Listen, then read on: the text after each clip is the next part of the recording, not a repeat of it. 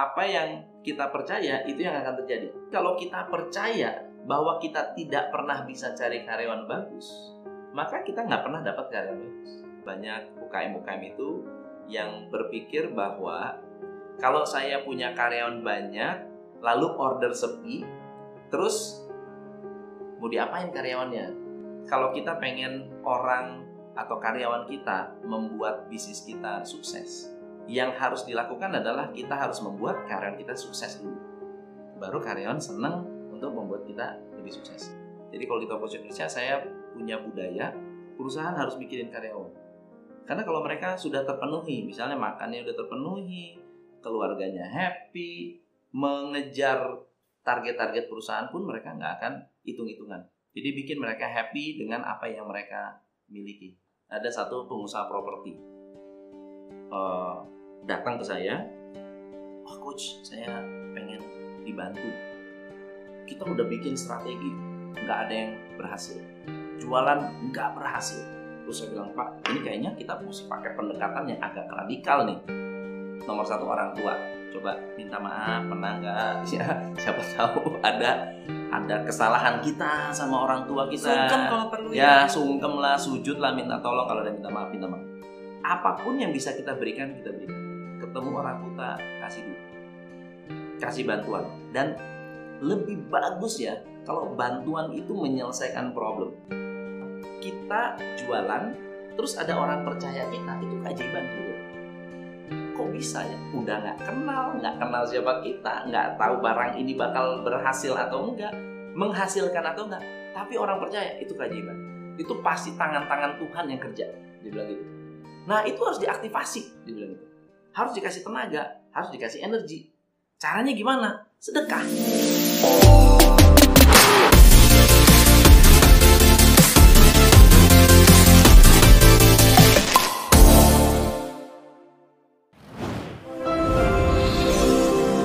Video ini dipersembahkan oleh 101red.com. Jualan online tanpa ribet. Halo semua, kembali lagi jumpa di channelnya Christina. Kali ini saya lagi barengan dengan Coach Tom MC.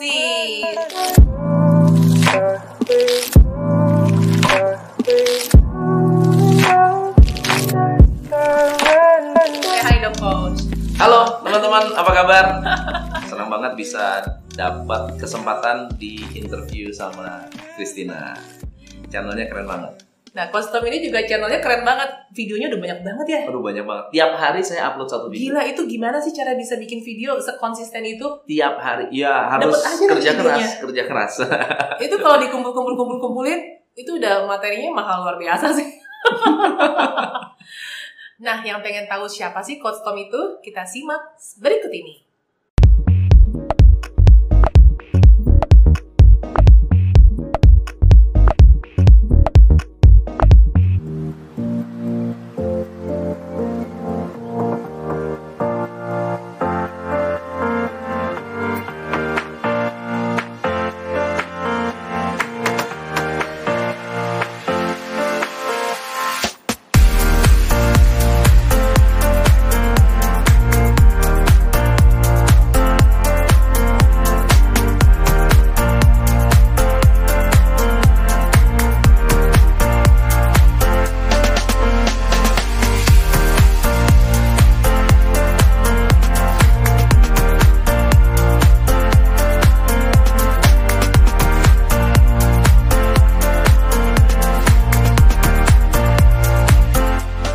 Selalu nggak berhenti kasih masukan, terus eh, nggak kelihatan tapi selalu merhatiin. Tiba-tiba bisa kasih masukan, kasih pembelajaran, terus eh, apa adanya, kebuka, terbuka banget sama tim.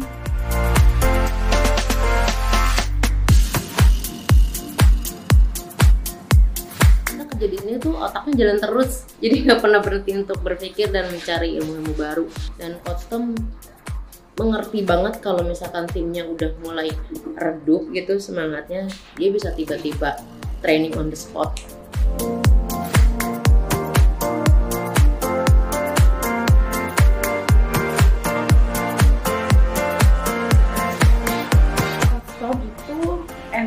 Diajak untuk curhat dan dia juga paham sih sebelum kita curhat pun dia udah bisa menilai kita sendiri gitu. Jadi sebelum aku ngomong A ternyata beliau udah tahu A gitu. Sebelum aku belum ngomong dia udah tahu apa yang aku mau. Jadi dia bisa menilai aku aja gitu tanpa aku harus ngomong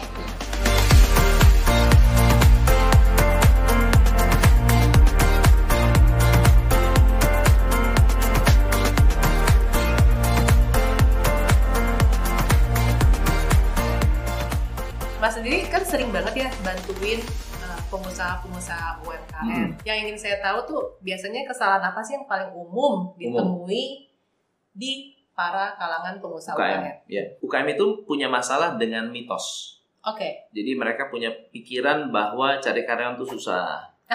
ya benar banget. Ya, itu benar, Tapi tapi, sebetulnya itu itu sebetulnya hanya mitos. Oke. Yang kedua adalah misalnya bisnis itu nggak boleh ditinggal. Hmm. Kalau bisnis itu nggak boleh dilepas.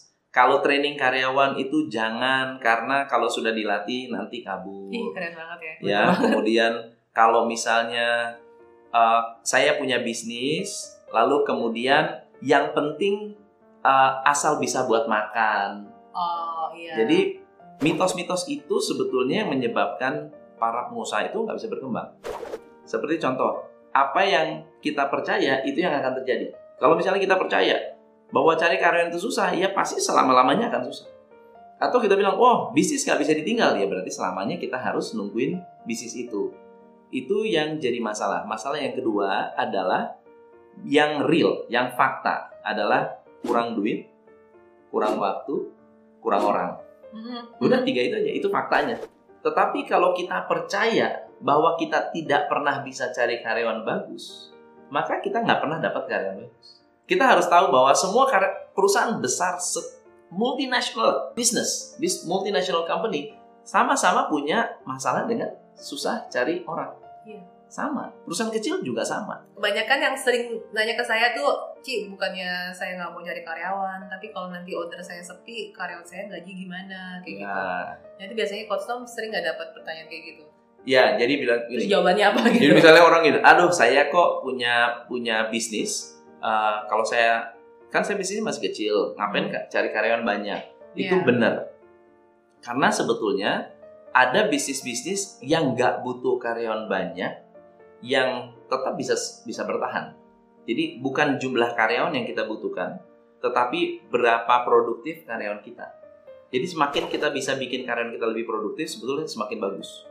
Nah, yang jadi problem adalah banyak UKM-UKM itu yang berpikir bahwa em, kalau saya punya karyawan banyak, lalu order sepi, terus mau diapain karyawannya? Hmm. Berarti masalahnya bukan jumlah karyawannya, tetapi kurang marketingnya, Hmm. kurang promosinya, kurang produktifnya. Jadi ya itu yang pertama. Yang kedua adalah tugas kita sebagai business owner adalah membuat karyawan itu membantu perusahaan untuk membuat perusahaan tambah rame, ordernya tambah rame. Kenapa harus nunggu order baru eh, karyawan itu produktif? Harusnya karyawan itu yang diciptakan untuk menciptakan order yang banyak buat perusahaan. Caranya gimana? Nah, Jadi berarti ini caranya- pertanyaannya bagaimana menjadikan karyawan kita lebih produktif? lebih produktif betul gimana caranya karyawan kita kita punya satu prinsip ya semua hal yang ada di bisnis kita termasuk orang adalah marketing contohnya di perusahaan ini di perusahaan saya ada sales kerjanya harus jualan. Betul ya? Tapi ada yang namanya sekretaris atau personal assistant. Dia harus bisa jualan juga. Di tempat kita semua bisa jualan. Ada yang sakit nih digantiin. Bisa. Admin nih yang tukang bikin invoice turun untuk jualan. Bisa. Terima telepon. Terima telepon tanya-tanya saya mau tanya dong besok ada seminar apa? Dia harus bisa jualan. Harus bisa closing jadi eh, semua orang bisa bikin perusahaan ini punya banyak customer Oh, semua orang harus bisa datangin prospek. Misalnya contohnya kita punya culture budaya.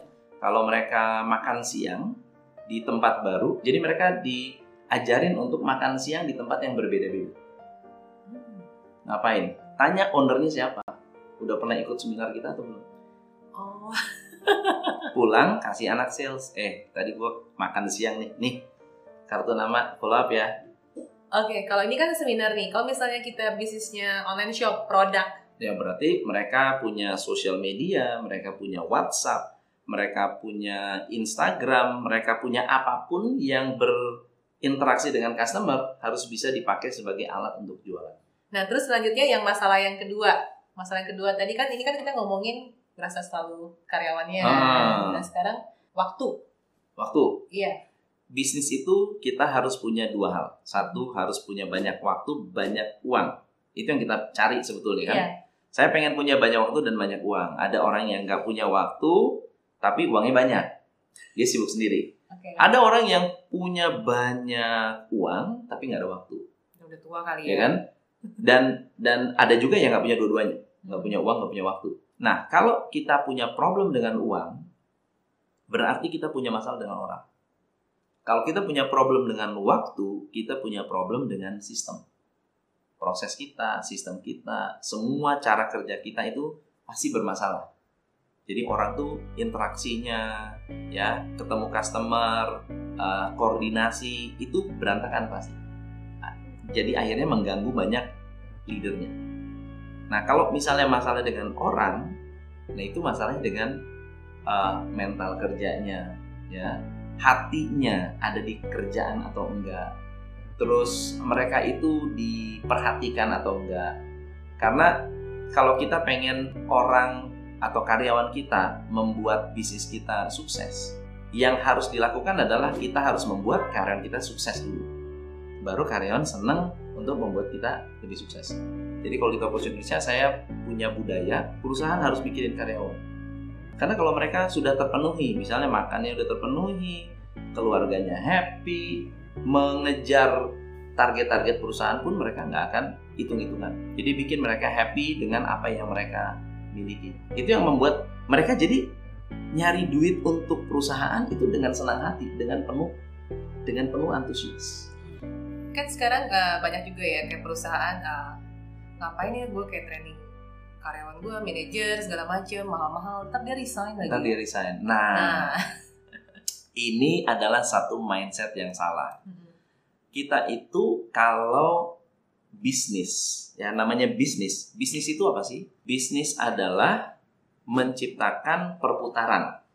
Itu sebetulnya prinsip bisnis. Misalnya saya punya barang ini, barang ini eh, saya beli satu, saya jual satu, dapat duit lagi, bisa beli satu atau beli dua. Kalau saya untungnya dua kali lipat, saya bisa beli dua. Jual dua, bisa beli empat. Jual empat, bisa beli delapan. Dan seterusnya. Prinsipnya itu muter. Cash flow itu prinsipnya muter. Let's say misalnya, saya punya uang 100 ribu, kalau saya beliin, ini ada eksperimen, bukan eksperimen sih. Saya melatih UKM-UKM untuk misalnya berbisnis dalam dua jam. Menunjukkan betapa luar biasanya perputaran itu. Misalnya contohnya, bikin kelompok, lima orang, masing-masing bayar 20 ribu. Oke, Oke. cuma uang 20 ribu ya. Seratus ribu nih. Nah, 100 ribu. Nah, 100 ribu itu kita mereka harus pergi ke pasar ke mana pun dilepas lah ya, dilepas. Uang 100 ribu itu harus dijadikan sebagai bisnis. Mau bisnis apa pun terserah. Mau minjem barang dijual atau mau beli barang terus dijual terserah strategi mereka apa. Tapi satu hari sebelumnya kita udah ajarin tentang teknik bisnis gitu ya, ca- caranya membangun sebuah bisnis. Nah, ada orang yang dengan 100 ribu dalam dua jam bisa dapat net profit. Net profit. Satu setengah juta. Net profit. Ya. Cash. Hitung duit duitnya ada. Ya ada yang dalam dua jam bisa dapat 8 juta sales net profit 3,5 juta mereka ini membuktikan bahwa yang namanya segala sesuatu yang berputar makin cepat perputarannya semakin besar nilai tambahnya. Kalau karyawan dikasih training, itu sebetulnya ada proses perputaran juga. Jadi, saya kasih uang, uangnya kan keluar dari tangan kita nih. Keluar dari tangan kita, atau kita kasih ilmu, atau kasih apa pun, lalu kemudian orang itu nerima, alam semesta ini akan bekerja dengan cara yang luar biasa untuk orang itu. Ambil contohnya, saya training Christina. Christina setelah di training, dua bulan kemudian dia resign. Pertanyaannya, apakah percuma? Belum tentu. Karena bisa jadi suatu saat Christina akan bilang, eh, lu butuh coaching? Tuh, coach Tom aja. Entah gimana, pokoknya alam semesta tak punya ilmunya. Kita nggak punya ilmunya. Kita nggak ngerti. Itu namanya ilmu berbagi. Ilmu, nama ilmu kerennya transmutasi energi. itu transmutasi itu. Kita berbagi aja. Jadi nggak usah mikir. Apakah nanti jadi apa? Nggak usah pusing nggak usah pusing. Pokoknya saya training, berhasil nggak berhasil, sukses nggak sukses. Yang penting kita sudah kasih tanggung jawab kita. Yang kedua sekarang, orang itu di training dalam uh, setelah training pulang nggak bawa hasil. Sudah di training nih, pulang itu, aduh kok Iya, sifatnya nggak gitu. berubah sih. Iya. Pertanyaannya adalah tahu dari mana sifatnya berubah atau tidak berubah. Kita nggak pernah tahu. Kita benar-benar kalau ada satu persen perubahan, satu persen perubahan itu bisa memberi dampak berapa besar. Jadi perubahan satu persen yang kita berikan, yang investasikan ke karyawan kita dalam 20 tahun, 10 tahun, 5 tahun, itu dia perubahannya luar biasa. Jadi nggak ada segala sesuatu yang percuma. Misalnya contoh, nggak sama seperti saya bilang, tidak pernah ada marketing yang percuma. Saya pasang spanduk, ya nggak ada efek. Siapa bilang? Kita nggak pernah tahu pengetahuan kita terbatas untuk mengetahui ada efek atau tidak. Nggak pernah kita tahu. Tapi yang pasti apa? Kalau kita terus-menerus melakukan hal yang sama, suatu hari akan ada hasilnya. Kalau kita terus-menerus ngelatih karyawan kita, suatu hari akan ada hasil. Itu sama prinsipnya, ya prinsip berbagi lah. Prinsip prinsip sedekah tuh begitu sebenarnya. Kita mikirin-mikirin karyawan kita, ibaratnya juga sama saja kita bersedekah dalam Semua arti bersedekah dalam berbuat arti yang baik. berbuat baik. dan nanti ya biarlah alam yang Nanti alam kita gitu. alam akan bayar. Kalau- gitu. Kalau gini ya, saya kasih satu prinsip sederhana lah. Gini. Mhm. Mana yang lebih besar kekuatannya, karyawan atau alam semesta? Kita bicara alam semesta karena ki- supaya nggak terpaku dengan agama, Oke. oke? Mana yang lebih kuat, karyawan kita atau alam semesta? alam semesta. Alam semesta. Kalau misalnya saya kasih Christina 100 ribu, terus Christina bayar 100 ribu, impasnya Impas. impas. Oke? Pertanyaannya, kalau Christina mengembalikan dengan kita sudah investasi 100 ribu untuk training Christina. Ternyata Christina nggak balikin 100 ribu hari itu. Nah pertanyaannya adalah siapa yang berutang? Alam semesta punya responsibility untuk menciptakan keseimbangan. Alam semesta itu nggak bisa tuh. Segala sesuatu tidak seimbang tuh nggak mungkin. Sama seperti kasusnya kita memberikan sesuatu kepada karyawan kita. Kalau dia nggak membalikan ke kita, alam semesta punya utang sama kita, dan alam semesta tidak akan memberi, memberikan apa yang kita butuhkan. Misalnya, oh kamu butuh 100 ribu balik, nih kamu dibalikin 100 ribu. Bukan. Alam semesta akan mengembalikan yang dia bisa berikan. Beda ya. Misalnya contoh gini. Ada satu kejadian, ini kejadian yang benar-benar ini kisah nyata, true story. Dalam kehidupan saya ada orang minta-minta. Waktu itu saya sekolah di Bogor, SMA 3 Bogor. Terus ada ibu-ibu datang sama anak. Saya lagi duduk di tukang mie ayam, karena saya demen makan mie ayam. Nah, terus eh, ibu-ibu datang bilang eh, ngomong sama saya, dek, dek minta uangnya dek, eh, lapar dek. Si bapaknya bilang, sini sini sini sini, sini duduk sini. Dibikinin mie ayam, satu untuk anaknya, satu untuk dia, satu untuk dibungkus. Oke, makan dong, makan terus pergi. An orang itu pergi. Saya nanya, Pak, dia kan minta cuma minta duit doang, kasih aja dua ribu. Ayah, itu kan dua ribu yang dia butuhkan. Yang bisa saya kasih apa? Saya bisa kasih tiga, ya kasih aja tiga. Alam semesta juga begitu.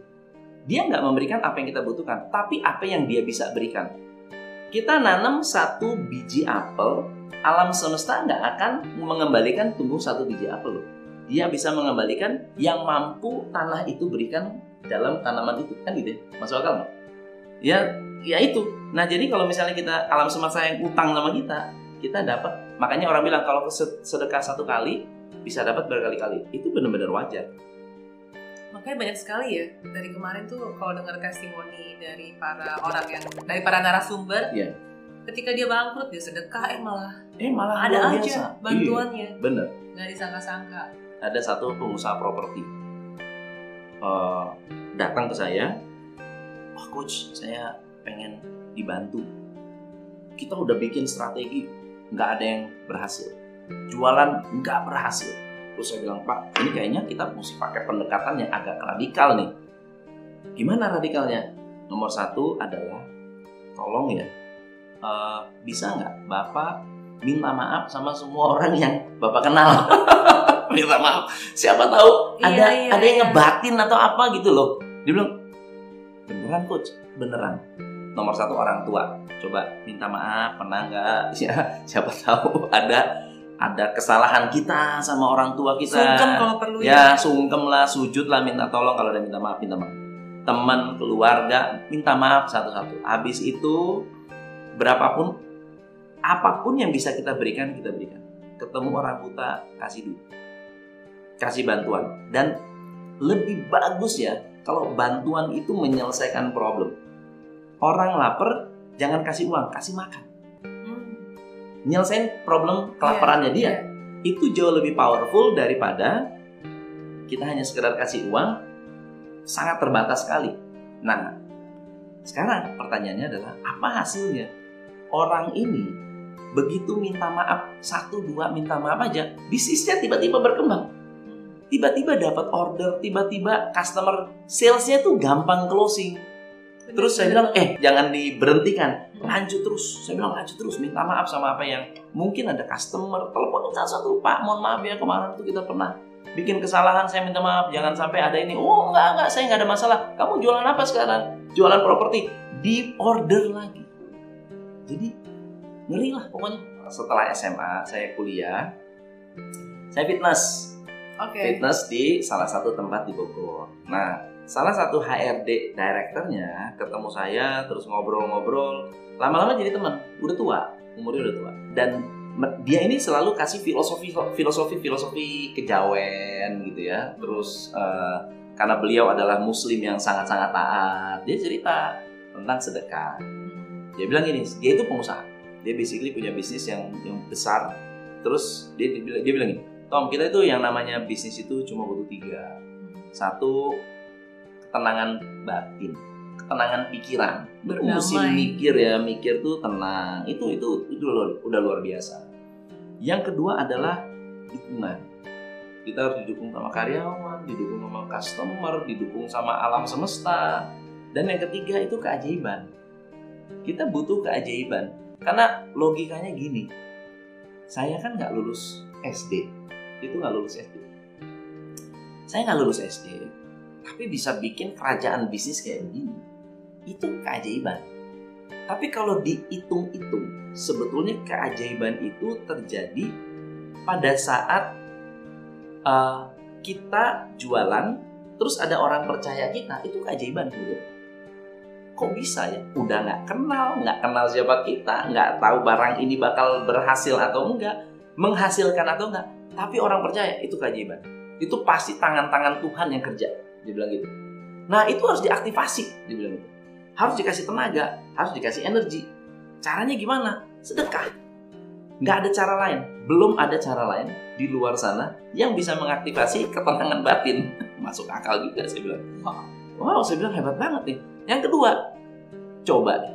Kalau kamu pengen dapat dukungan karyawan, kamu harus dukung karyawan. Kalau kamu pengen dapat customer, ya dukung customer. Kalau kamu pengen dapat dukungan pemerintah, ya kamu harus mendukung pemerintah. Kalau kamu pengen mendapat dukungan Tuhan, ya kamu harus mendukung kebutuhan Tuhan. Tuhan tuh apa? Ya Tuhan mau orang datang ke masjid, ke gereja, ya bangunlah masjid, bangunlah gereja, bangun aja. Mendukung kerjaan Tuhan. Tuhan bilang, ih bener lu, kamu hebat lu. Nggak ada duit aja bisa mau bantu ini. Yuk ah, saya saya support ya Iya. saya support lewat kamu ya dia bilang itu itu hal yang nggak bisa di saya bilang nggak bisa dijelasin ini- secara nalar Kata-katanya Coach Tom tuh simple tapi padat loh. itu sebenarnya kalau di itu berlapis banget, bercabang banget kalau dimaknai gitu. Ini terlatih banget ya ngomong terstruktur gitu dipelajari atau emang bawaan orang sih? Oh enggak lah. Kalau saya ini waktu kecil nggak pede. Memang dasarnya nggak pede. Kenapa sih kok banyak yang Oh, bilang oh, suka banyak ya pede? beneran, ah, bener. Aslinya pendiam. Aslinya Masa? pendiam. Dia benar. Aslinya saya pendiam. Bahkan kalau dulu waktu kecil dibilangnya kayak orang idiot, orang bodoh, orang-orang on, beneran. Siapa yang ngomong kayak gitu? Ah, ya banyak. Jadi kalau kecil karena saya bengong, hobinya bengong. nggak mau ngomong bengong. Oh, Orang yang suka orang, bengong oh, biasanya justru bengong. pinter kan? Ini orang oh, blow on kali ini, dipanggil blow on. Ih jahat banget sih. Bener-bener. Bukan se- bukan keluarga kan? Ya ada keluarga juga Ya ngomong, ampun. "Oh, ini anak si blow on nih, blow on nih, blow on panggil. Karena kalau zaman dulu anak orang orang tua panggilan seperti itu panggilan sayang sebetulnya. Manggilnya blon. panggilan sayang. Hei gendut, Oke. gendut, gendut. Gendut panggilan masih oke lah. panggilan sayang. Ini Eh, si blow on. blow on, si blow on. gitu. Terus eh, ba- ada yang bilang ini mah kamu tuh tahu nggak bukan anak mama, bukan anak orang tua gitu. Maksudnya karena mukanya Iya, juga iya, agak iya. beda. Dulu nggak begini, lebih jelek. Sekarang lebih ganteng berarti. Sekarang lebih lebih lumayan lah. Nah, terus eh, dia dari kecil nggak terlalu ini juga ngomong tuh dulu ae ae nggak bisa apa-apa. Hmm. Tapi saya melatih diri untuk ya bisa ngomong, udah gitu aja. Latihan aja yang penting. Latihan kalau saya latihannya ya ngomong ke umum. Dihafalin dulu kali ya. Nah, itu enggak. Jadi gini, eh, saya yakin bahwa paling penting bukan apa yang mau dikatakan, tapi apa yang kita ngerti yang mau diucapkan. Oh, yang penting oke. Kita Kalau- mesti ngerti dulu Kalau ya. nggak ngerti, nggak bisa ngomong. Iya benar. Diulang-ulang kayak gimana pun nggak bakal apa. Tapi ngerti dulu. Oh ini, oh ini gini. Oke, Oke. ngomong dengan cara kita. Udah selesai. Nah, tadi kan Coach Tom bilang kan kalau orang nggak punya waktu itu pasti ada something Sistemnya. wrong with the system. Hmm. Sistem. Sistem menurut Coach Tom itu sebenarnya gimana sih untuk para pemula bisnis? Kapan sih dia mulai mesti menciptakan sebuah sistem? Sistem itu sebetulnya urutan dari goal dan aktivitas. Sebetulnya hanya itu. Kalau saya punya goal pengen ngurusin badan, oke, berarti saya harus dukung dengan satu aktivitas yang berulang-ulang. Itu adalah sistem. Misalnya contohnya, kalau saya pengen karyawan saya mendapatkan target atau hasil penjualan tertentu, berarti harus ada aktivitas yang ulang-ulang terus. Itu lagi itu lagi itu lagi itu lagi sampai dapat hasilnya. Hmm. misalnya contohnya saya pengen dikenal. Berarti harus ada aktivitas yang berulang-ulang yang membuat saya dikenal. Konsistensi lah. upload Iya. video setiap hari. Itu adalah kegiatan berulang. Iya. nah pertanyaannya adalah ada hasilnya nggak? Who knows? Nggak ada yang tahu. Who knows? Tetapi satu titik ada yang namanya critical mass critical mass itu saat aktivitas itu sudah tidak lagi perlu banyak tapi hasilnya banyak. Sama seperti dulu waktu pertama kali telepon dibuat mungkin yang tahu dikit banget. Tapi sekarang pada saat telepon itu semua orang udah tahu dia nggak butuh promosi lagi. Ya semua orang sudah memikirkan saya butuh telepon. Udah nggak butuh uh, pemikiran atau promosi yang lebih Kencang viral lah ya. kasarnya. sudah viral judulnya. Nah sekarang kalau kita mau viral lakukan sesuatu konsisten. Nah banyak orang yang menyerah sebelum berhasil. Mhm. akhirnya pada saat waktunya udah deket dengan critical mass tadi ya dia ini ini tanamannya udah mau tumbuh sedikit. Dia bilang oh udah deh nggak usah disiramin lagi. Dia berhenti dia di situ.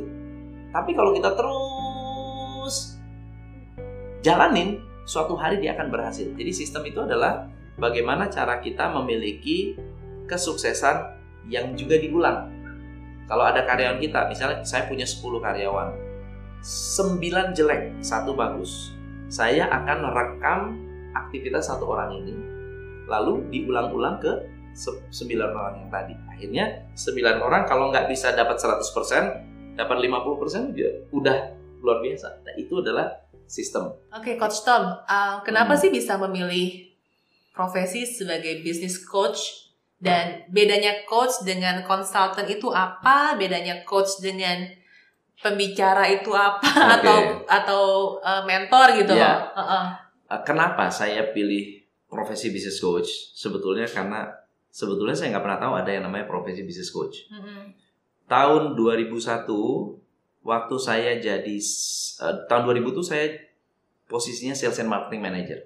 Nah, tahun 2001 ada 911. 9 11 September di mana eh, Twin Tower runtuh. Iya. Oke, yang jadi masalah adalah semua karena waktu itu saya di travel, Uh, airlines naikin harga gila-gilaan, insurance gila-gilaan, dan orang nggak mau terbang. Jadi banyak sekali uh, terjadi wah apa pergerakan yang luar biasa di dunia perjalanan. Jadi bisnis travel itu kenanya luar biasa.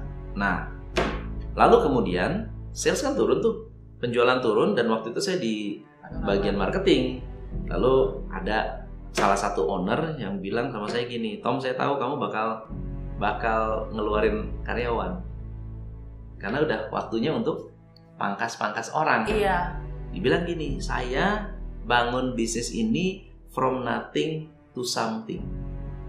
Semua karyawan saya ada yang sejak saya buka perusahaan ini tahun 72 sampai sekarang masih kerja.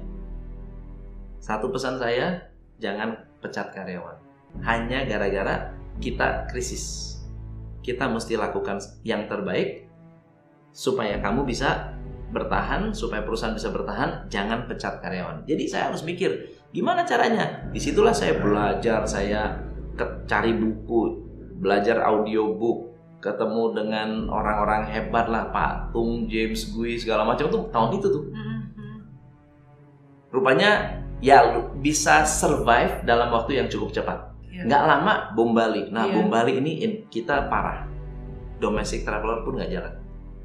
Jadi itu parah banget. Banyak travel yang eh, apa kerjanya itu setengah tahun, setengah bulan. Kerja setengah bulan, setengah bulan nggak dibayar. Jadi benar-benar cut cost.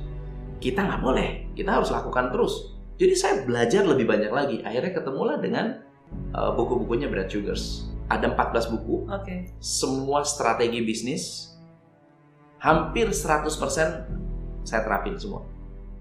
Ada 300 strategi marketing, 300 300-nya dipraktekin.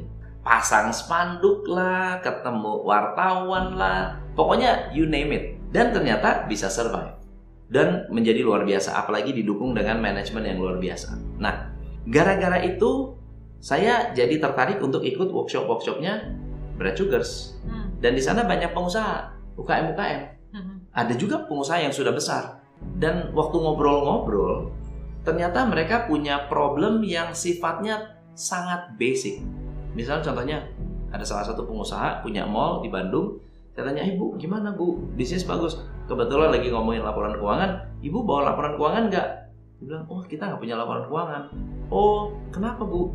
Ya buat apa bikin laporan keuangan? Itu kan dibikinin sama orang konsultan pajak. Jadi Hmm. dibikinin oleh konsultan pajak untuk laporan pajak.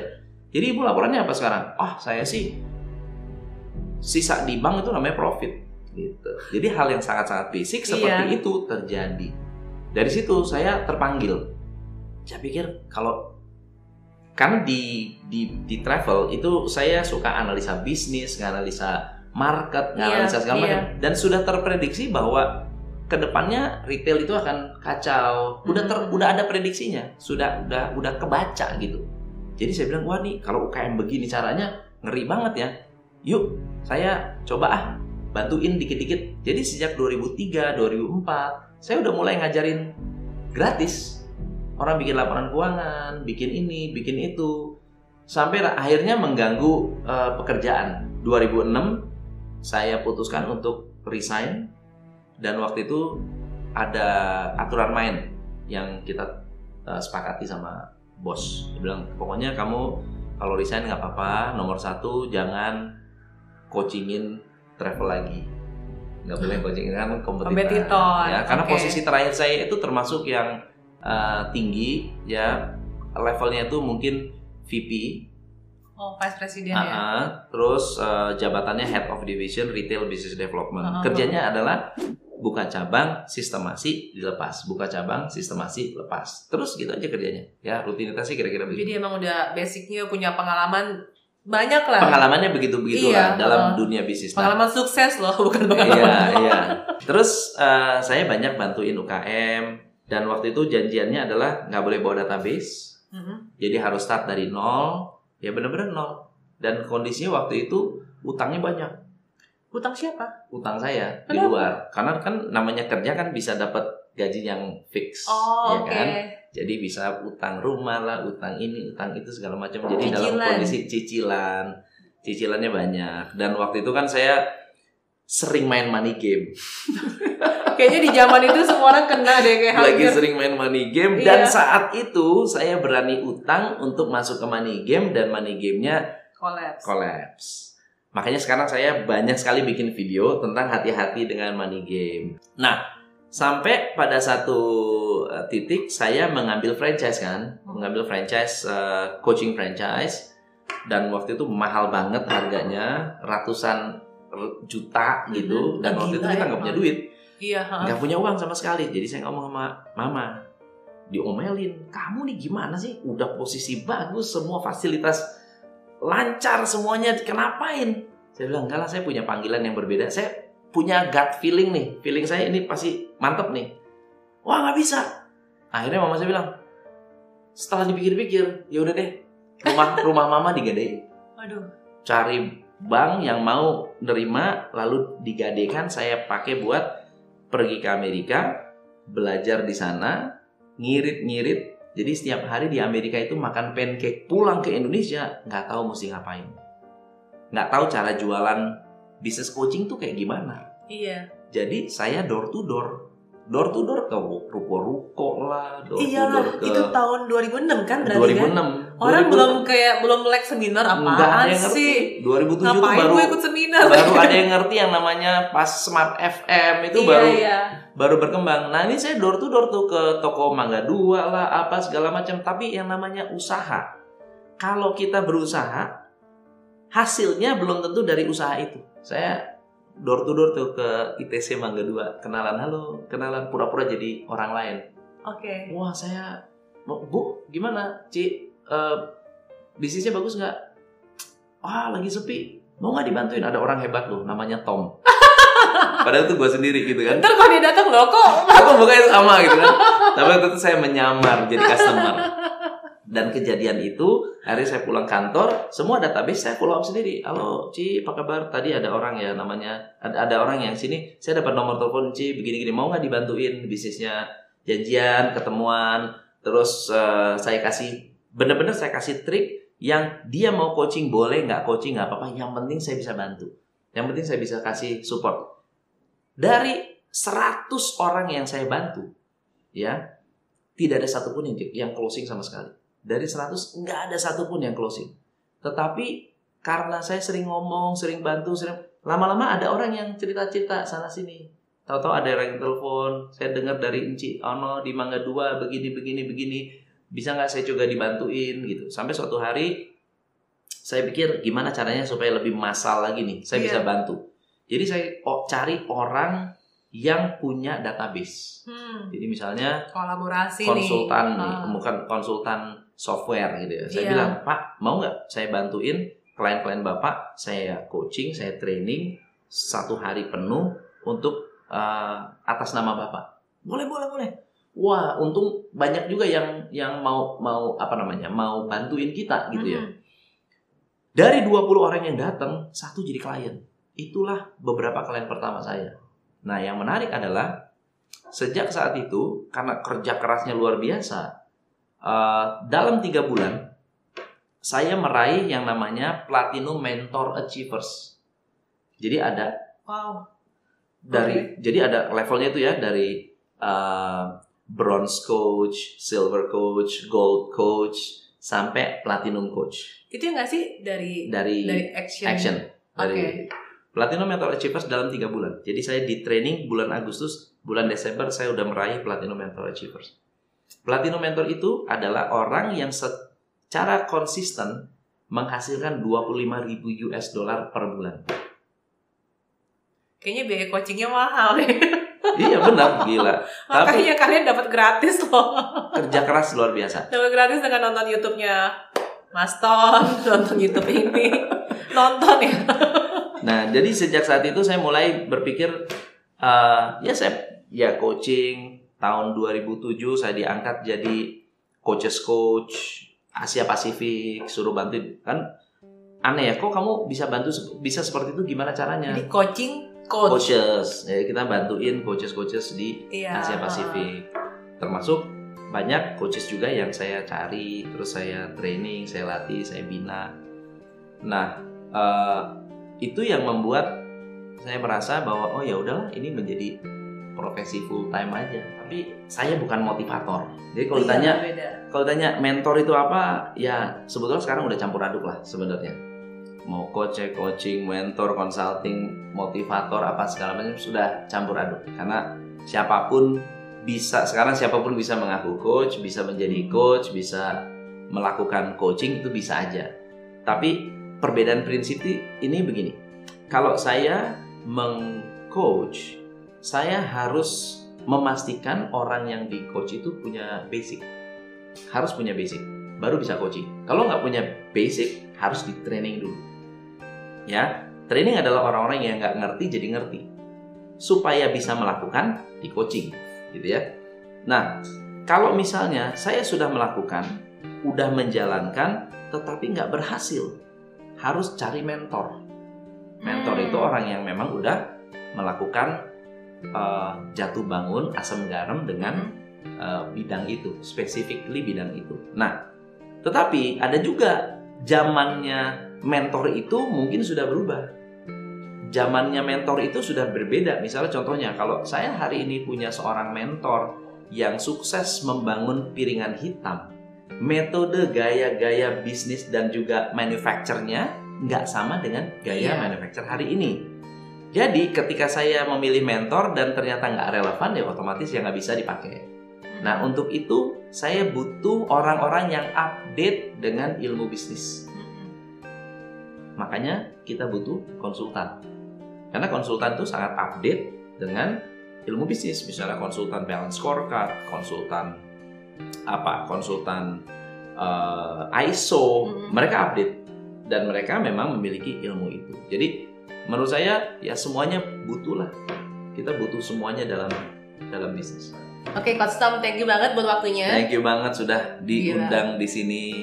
Banyak banget poin-poin yang sangat menginspirasi, apalagi yang relevansinya antara bisnis dengan sedekah itu luar biasa banget. Itu patut banget kalian simak, catet, karena it really works gitu loh. Iya benar.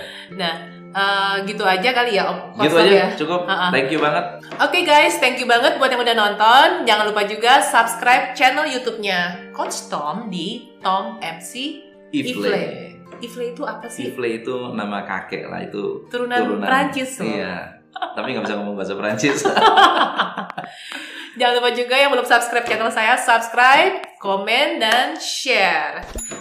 Saya Christina Lee. Saya Tom MC Ifle. Kita undur diri dulu. Bye semua.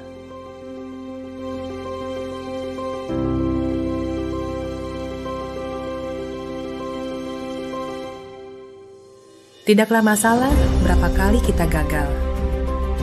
Tidak penting berapa kali kita hampir berhasil. Kecewa karena gagal itu masih jauh lebih baik daripada menyesal tanpa melakukan sesuatu. Yang perlu kita lakukan hanyalah belajar dari kegagalan itu dan dari orang-orang di sekitar Anda, dan yakin kalau kita pun bisa bangkit. Janganlah takut dengan kegagalan, karena jalan menuju kesuksesan adalah dengan selalu mencoba setidaknya satu kali lagi. Dan ketika kita mencapainya, semua yang tidak tahu kisahmu hanya bisa berkata betapa beruntungnya Anda.